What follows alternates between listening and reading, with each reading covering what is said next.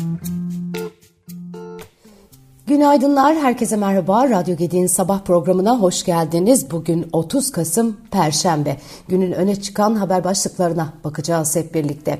Türkiye İstatistik Kurumu TÜİK tarafından yayınlanan dış ticaret istatistiklerine göre Ekim ayında ihracat %7,4 artışla 22 milyar 871 milyon dolara ulaştı. İthalat %0,6 artış gösterdi. 29 milyar 390 milyon dolar seviyesine yükseldi. Ekim ayında verilen dış ticaret ticaret açığı yıllık bazda %17,5 azalışla 6 milyar 519 milyon dolara gerilerken Ocak-Ekim döneminde verilen açık ise %3,2 artışla 93 e, milyar 917 milyon dolara ulaştı.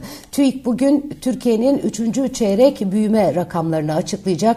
E, piyasanın beklentisi Türkiye ekonomisinin yılın 3. çeyreğinde yıllık bazda %5,19 büyümesi yönünde. Diğer yandan yurt dışında da bugün Euro bölgesinde tüfe ve işsizlik oranı verileri takip edilecek. Piyasa beklentisi bölgede manşet enflasyonun aylık bazda %0,1 artışla yıllık bazda %2,8'e gerilemesi yönünde.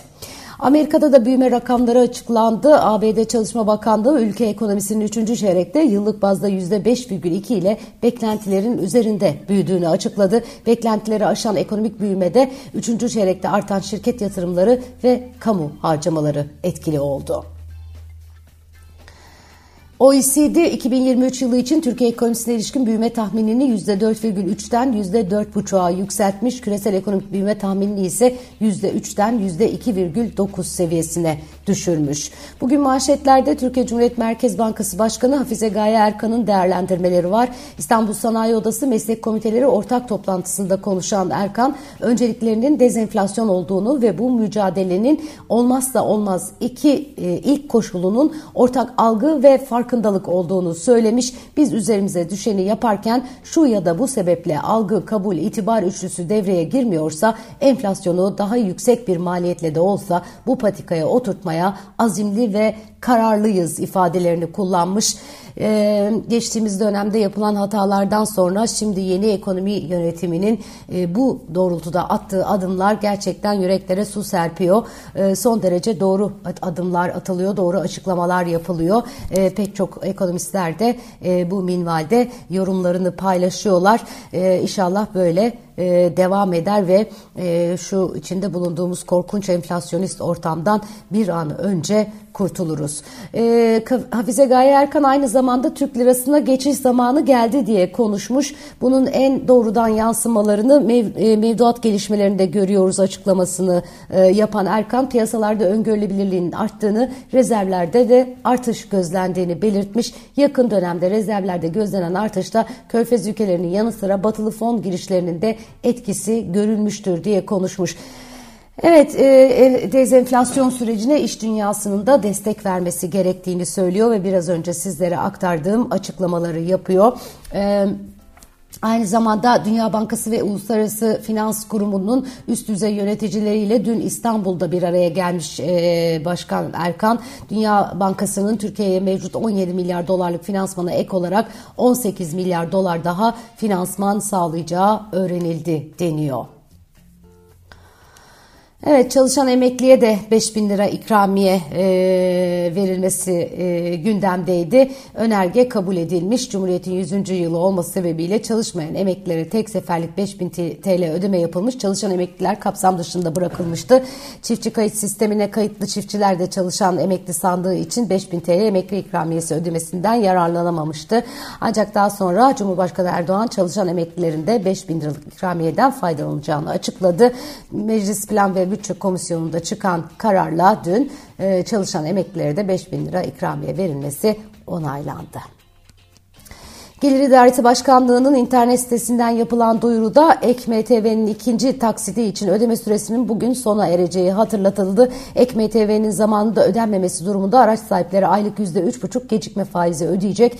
Kahramanmaraş merkezli depremler nedeniyle oluşan finansman ihtiyacı dolayısıyla Ek MTV ödemesi e, düzenlemesi yapılmıştı. Ek MTV'nin e, motorlu taşıt vergisinin ilk taksit ödeme süresi 6 Eylül'de biterken bu dönemde yaklaşık 13,2 milyar lira gelir elde edilmiş. Hedeflenen tahsilatın %87'si karşılanmıştı. 2023 yılı emlak vergisi ikinci taksit ödemesi de yine bugün sona eriyor. Evet, e, Orta Doğu'da neler oluyor? Hamas Gazze şeridindeki ateşkesi 4 gün uzatmaya ve daha fazla rehineyi serbest bırakmaya hazır olduğunu açıkladı. Daha önce Perşembe günü 05'e kadar 2 gün uzatılan ateşkes hakkında AFP'nin sorularını yanıtlayan Hamas'a yakın bir kaynak e, hareketin ateşkesi 4 gün daha uzatmayı kabul ettiğini söyledi. Aynı kaynak Hamas bu süre zarfında diğer direniş hareketleri ve diğer taraflarla birlikte elinde tuttuğu İsrailli mahkumları mevcut anlaşma çerçevesinde ve aynı koşullar altında serbest bırakabilecek durumdadır denildi. Hamas 2000 e, e, şey 24 Kasım'dan bu yana her gün 7 Ekim'de kaçırılan yaklaşık 10 kadın ve çocuğu serbest bırakırken bunun 3 katı kadar Filistinli mahkumu da İsrail serbest bıraktı. Mısır ve Amerika'nın desteğiyle ağırlıklı olarak Katar tarafından müzakere edilen Ateşkes anlaşması hali hazırda 60 İsrailli rehinenin ve İsrail hapishanelerinde tutulan 180 Filistinlinin serbest bırakılmasını sağladı. Arabulucu ülkeler perde arkasında ateşkes perşembe gününden sonra e, uzatılsın diye yoğun çaba sarf ediyor. Amerikan Dışişleri Bakanı Antony Blinken e, bugün İsrail ve Batı Şeria'ya dönecekmiş. Öte yandan Amerikan ve İsrail istihbarat servislerinin başkanlarının salı günü Doha'da bir araya gelerek Katar Başbakanı ve e, Hamas ve İsrail arasındaki olası bir anlaşmanın bir sonraki aşamasını görüştüğü de ileri sürülüyor. Evet bakalım neler olacak. Evet. E, e, İsveç Dışişleri Bakanı Tobias Billström, e, Türk mevkidaşı Hakan Fidan'dan ülkesinin NATO üyeliğinin birkaç hafta içinde onaylanacağına dair güvence aldığını söylemiş.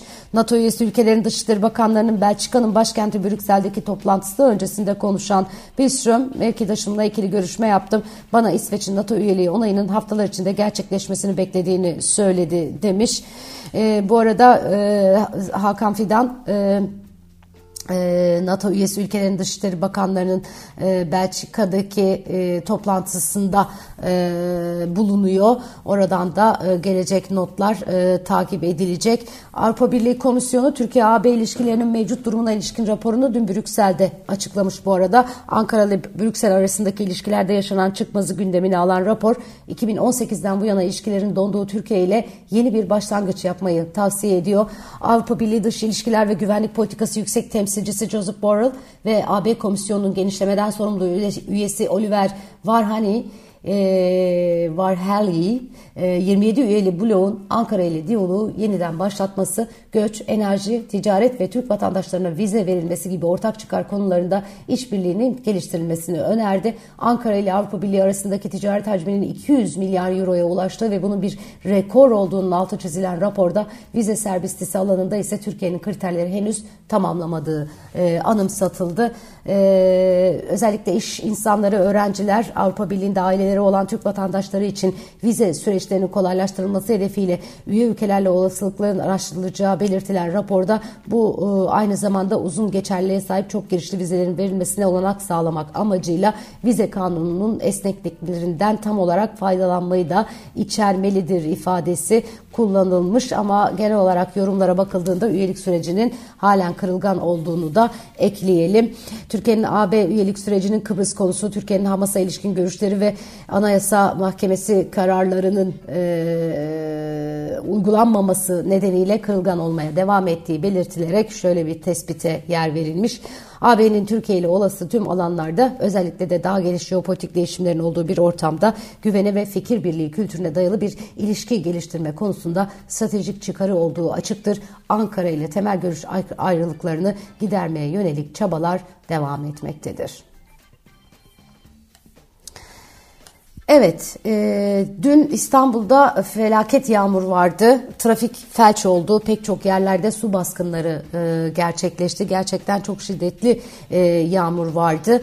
E, bir ara İstanbul'da trafiğin %90'a, trafik yoğunluğunun %90'a ulaştığı e, notları düşüyordu. Telefonlarınıza gelmiştir sizin de. Gerçekten İstanbul'un her bir köşesinde trafik adeta durmuş idi. Bugün nispeten daha sakin e, bir gün e, bekleyebiliriz. Karadeniz dünkü yağmurlu havadan sonra ama yine genel olarak yağmur ve fırtına uyarısı yapıyor meteoroloji Türkiye'nin geneli için. Ege Batı Akdeniz, Doğu Karadeniz'de İç Anadolu'nun batısı yağmurlu, diğer bölgeler parçalı bulutlu bir gün geçirecekmiş. İç Anadolu'nun kuzeyi ile Orta Karadeniz'de kuvvetli lodos etkili olmayı sürdürecek deniyor. İstanbul bugün parçalı bulutlu 13 derece olacak. Ankara'da bugün 13 derece kısmen güneş var orada. İzmir ise 21 derece olacak. Orada parçalı bulutlu ve yağmurlu bir gün e, bekliyor.